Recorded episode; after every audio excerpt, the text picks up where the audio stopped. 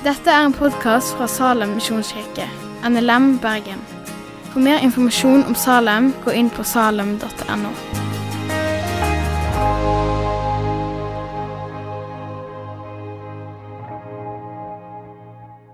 Ok, da har vi liksom satt standarden for, eh, for dagen med den samtalen. Og så er jo teksten en sånn vanskelig tekst i dag. Første Korinterbrev 11. Og det kan støte, fordi det er en tekst som egentlig går på tvers av den kulturen som vi lever i, og som vi blir påvirka av. Ubevisst og bevisst. Og du kan spørre deg hvorfor må vi lese det. Men jeg tror, eh, jeg tror at vi eh, har godt av å speile våre liv eh, i Guds ord. Um, og Hvis vi tror på en skaper, så kan det være klokt å høre på det han har å si om skaperverket.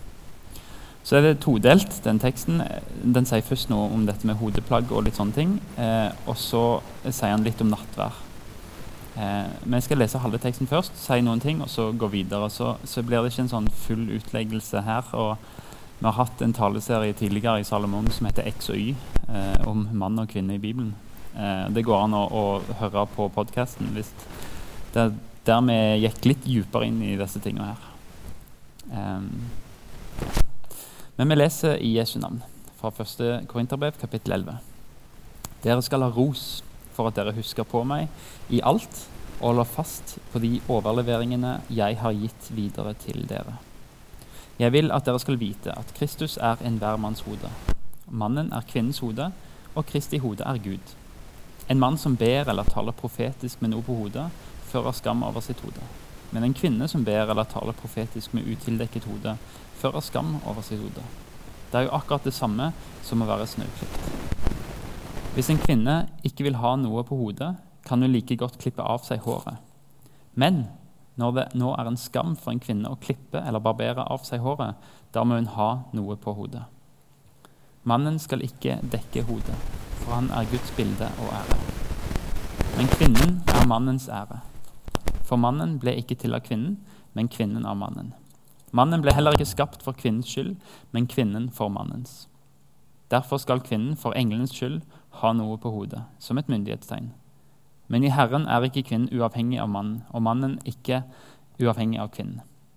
For som kvinnen ble til av mannen, ble mannen født av kvinnen, men alt er fra Gud. Bedøm selv.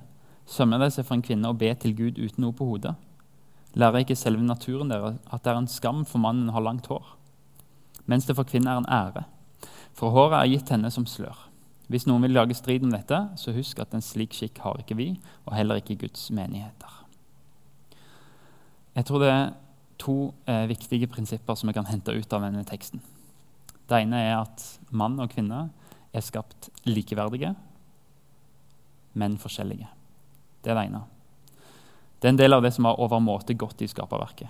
Gud skapte i skaperverket som var overmåte godt, så var det mann og kvinne. Og de hadde forskjellig ansvar og forskjellig rolle.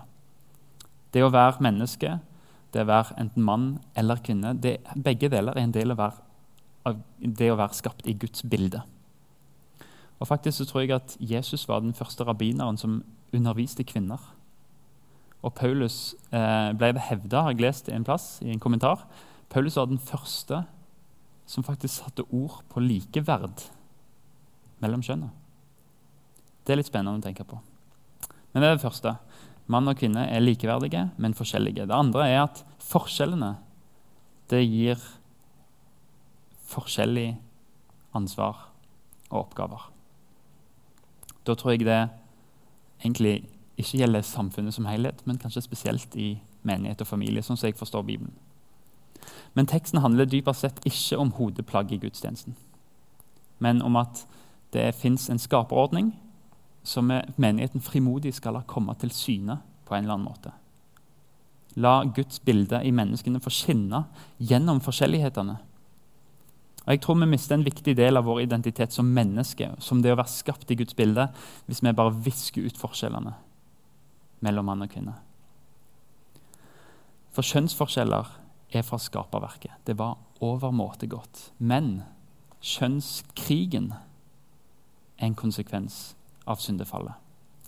Vi ser med en gang at Adam og Eva begynte å skylde på hverandre etter at de hadde falt i synd.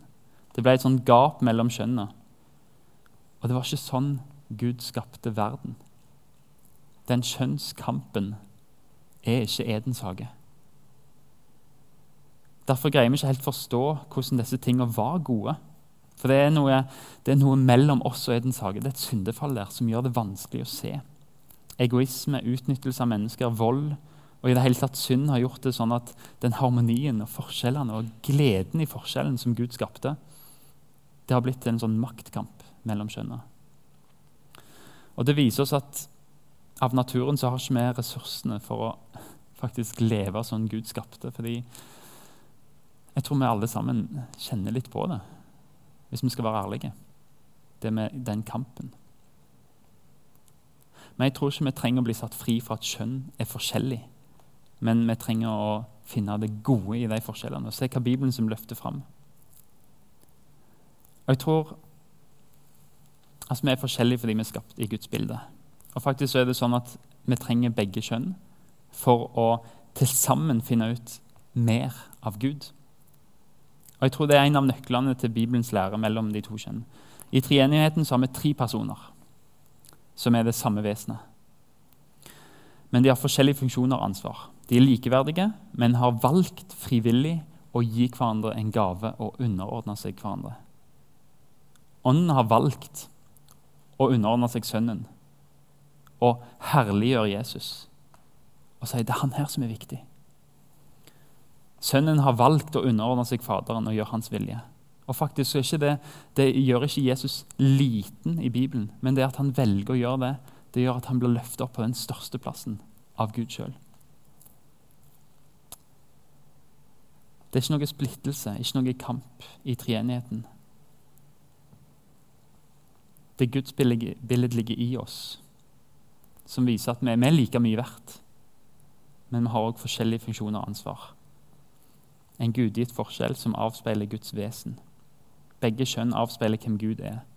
Mannen kan ikke gi hele bildet, det kan heller ikke kvinnen. Men sammen så kan vi vise mer av hvem Gud er med oss, for oss. Vi ser selvfølgelig først og fremst Gud gjennom Jesus. Han åpenbarte Gud for oss. Vi ser det i Skriften.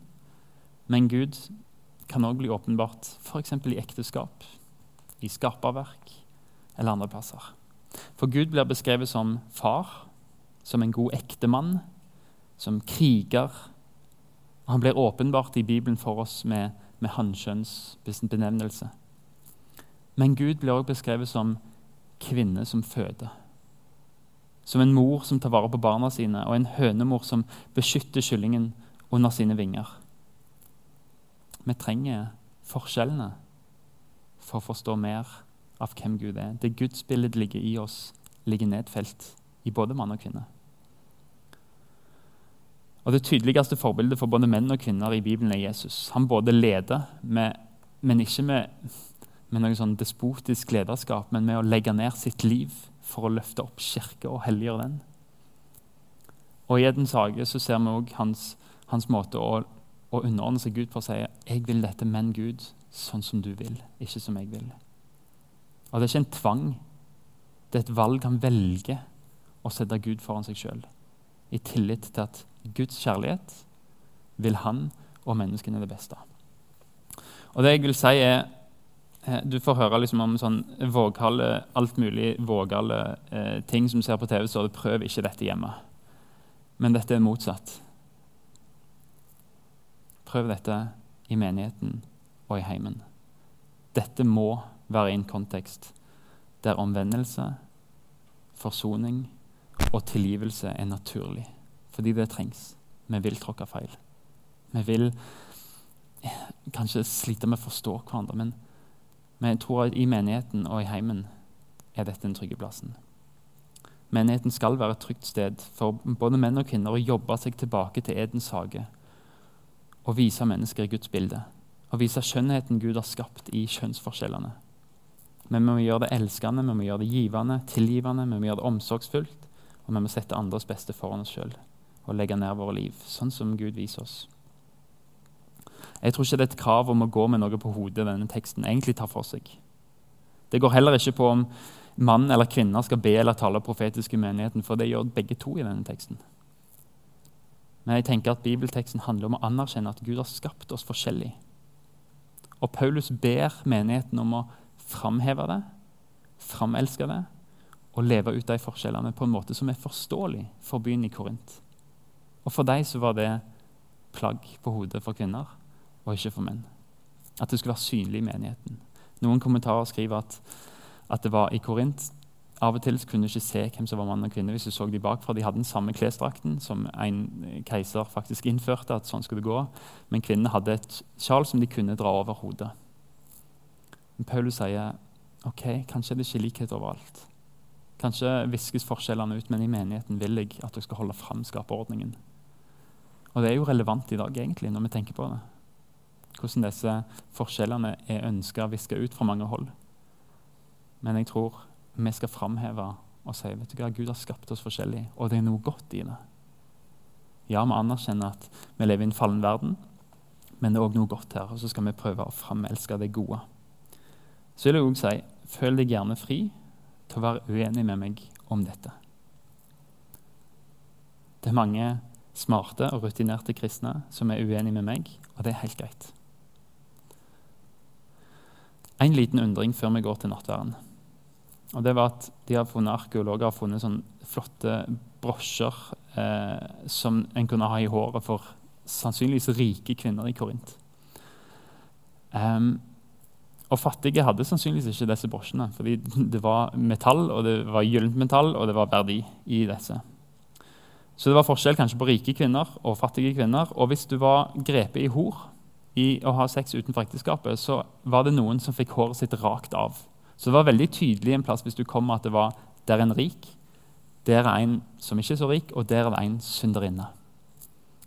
Kan det tenkes at Paulus ba kvinner om å dekke til håret for å vise at i menigheten så setter vi ikke sånne skillegrenser.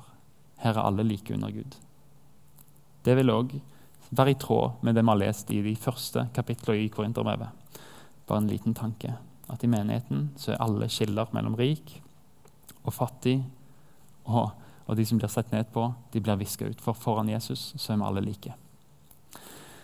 Vi skal kjapt gå videre og eh, bruke slutten av talen i nattværen. Jeg skal ta med noen vers fra kapittel 10 som vi ikke leste forrige gang, fordi det handler om nattvær. så vi vil ta det med i dag. Og så leser vi 11, 17 og utover. Velsignelsens beger som vi velsigner, gir ikke det del i Kristi blod? Brødet som vi bryter, gir ikke det del i Kristi kropp? Fordi det er ett brød, er vi alle én kropp. For vi har alle del i det ene brød. Se på Israels folk. Har ikke de som spiser av offeret, del i det som skjer på alteret? Så hopper vi videre til kapittel 11, vers 17 og utover. Når jeg her gir dere mine påbud, er det én ting jeg ikke kan rose dere for. Dere samles på en måte som ikke er til nytte, men til skade. For det første hører jeg at det er splittelse blant dere når dere kommer sammen som menighet. Og jeg tror det kan være noe i det. For det må vel være oppsplitting i grupper blant dere, så det kan bli avklart hvem som holder mål. Når dere da sammen, kommer sammen og er samlet, er det ikke Herrens måltid dere holder. For når dere spiser, holder hver og en av dere måltid for seg selv. Den ene er sulten, den andre drikker seg full. Har dere ikke hus så dere kan spise og drikke hjemme?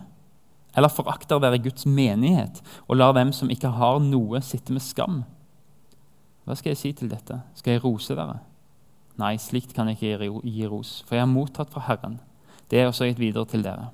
I den natta Herren Jesus ble forrådt, tok han et brød, takket, brøt og sa, Dette er min kropp som er for dere.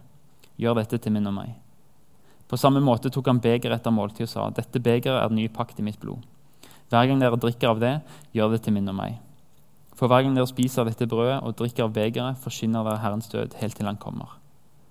Den som spiser brødet eller drikker av Herrens beger på urett vis, gjør derfor urett mot Herrens kropp og blod.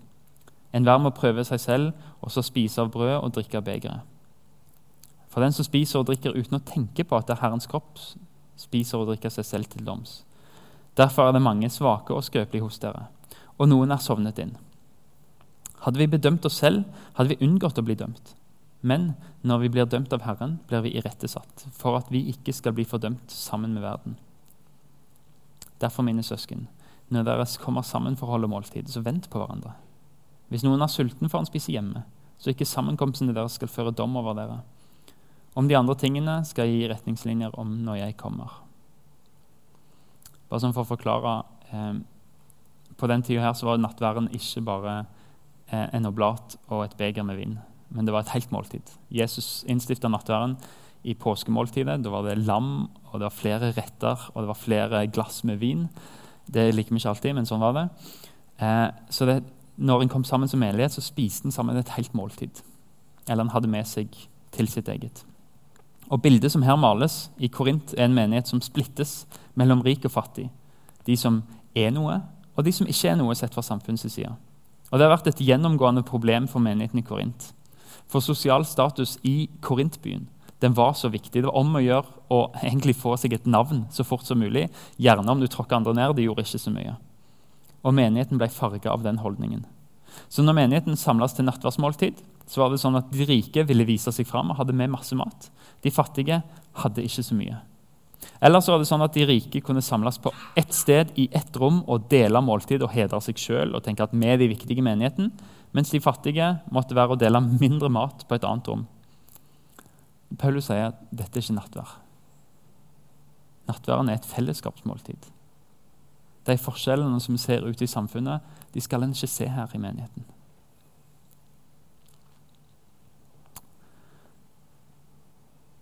Nattværen forsyner Jesu død. Og den forsyner Jesu død for den rike Josef av Arimathea, som eide hagen Jesus ble gravlagt i.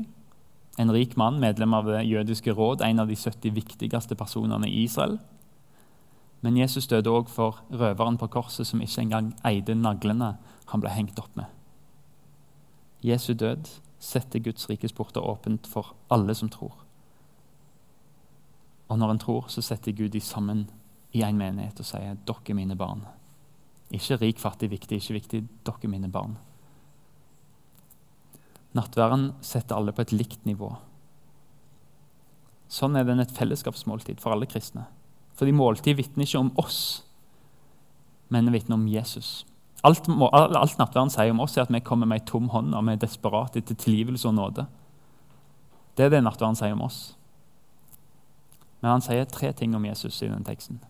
Så det skal jeg avslutte med. Tre ting nattverden sier om Jesus, og så prøve å lande dette.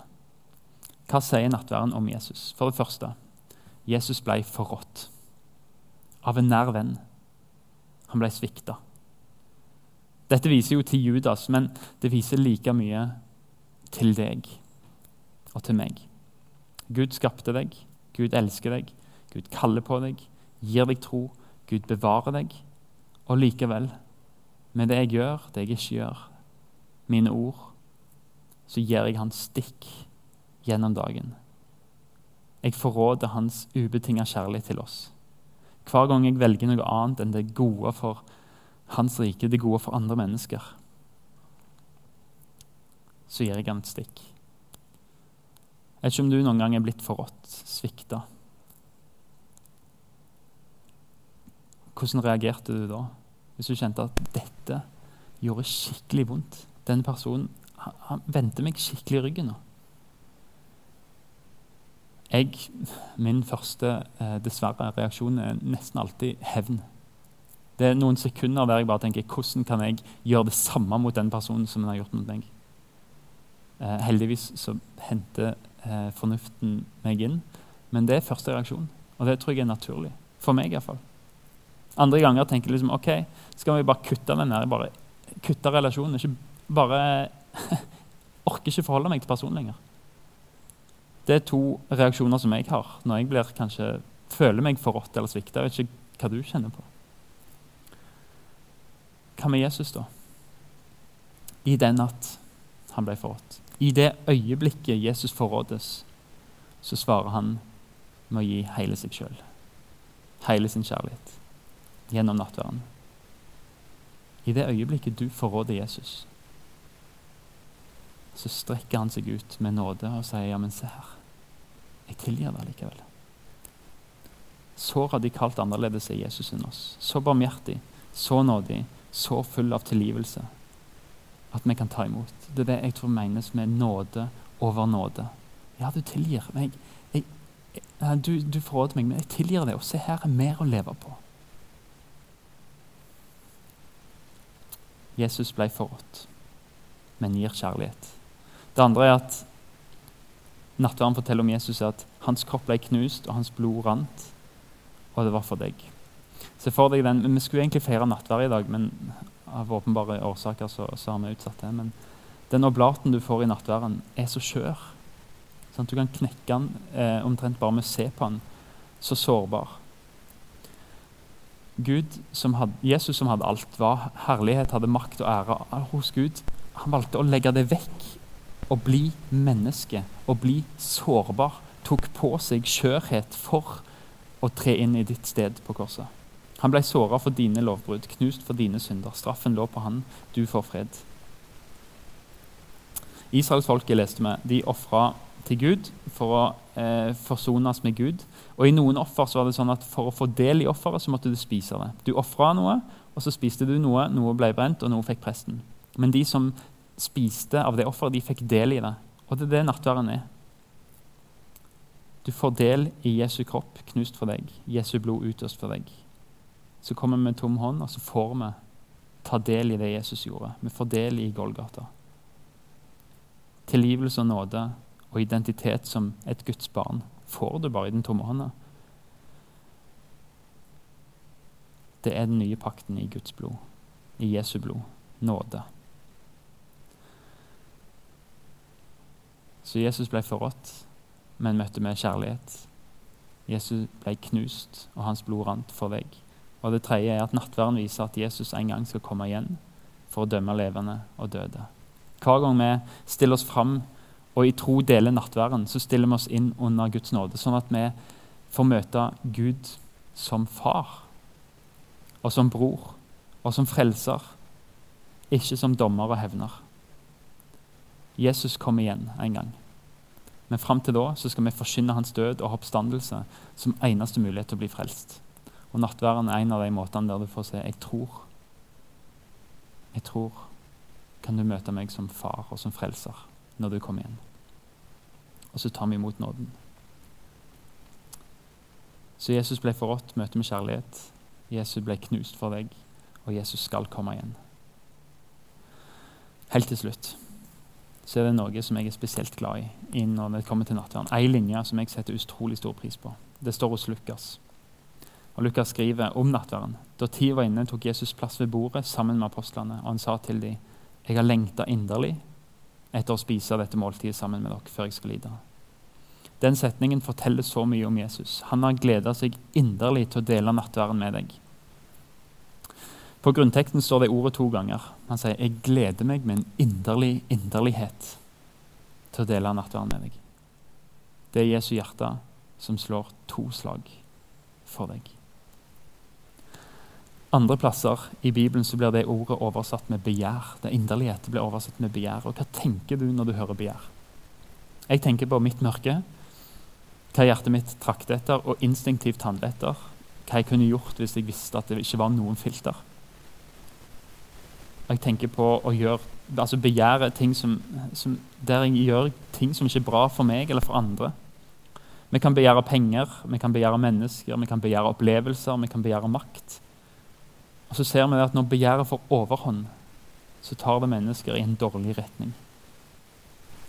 Det kan vi se i mange overskrifter, i mange aviser, hver dag. Og vi kan se det på nyhetene. Og kanskje har du blitt offer for noen mennesker sitt begjær. Og da kjenner du det mørke som kan følge med et begjær. Det er vårt begjær. Det er når vi inderlig lengter etter noe. Men med Jesus er det så radikalt annerledes. Når han begjærer noe, når han inderlig lengter etter noe, så er hans mål å gi deg fred med Gud. Tilgivelse, håp, lys, liv. Han lengter lengselsfullt etter å gi deg nåde. Selv når du handler etter ditt begjær fordi det er naturlig for deg, midt i det naturlige for deg, så strekker han seg ut med sin tilgivelse fordi det er naturlig for han. Hvis vi er troløse, er han trofast, for han kan ikke fornekte seg sjøl. Og Jesus lengter etter noe. Og Se for deg han som er Gud, som før, før, før han ble født som, som menneske, så lengta han etter noe. Det var noe han ikke hadde. Hva er det Jesus ikke har i himmelen? Hvorfor kom han til jord? Det var for å følge lengselen sin. Og hva er den lengselen? Du sitter her i dag. Hva var det Jesus ikke hadde før han valgte å bli menneske? Det var deg for å få den gleden han hadde i vente, nemlig deg ved sida av seg i himmelen. Og For å få den gleden så holdt han ut på korset uten å bry seg om skammen. Han så for seg deg i en evighet sammen med han. Og så så han på andre sida korset, tortur og lidelsen. Og så sa han, 'Jeg velger det beste'. Han valgte deg. For å få gleden han hadde i vente, så holdt han ut på korset uten å bry seg om skammen. Takk, Jesus, for din nåde og din trofasthet. Tilgi meg alle mine svik og mine synder. Takk for at du strekker deg ut mot meg. Og gi meg å ta imot nåden, og gi meg sjøl Lær meg å gi meg sjøl nåde, og lær meg å gi andre mennesker nåde. Og gi meg å leve i kraft av å være tilgitt, av å være elska og av å være sønn av den høyeste Gud.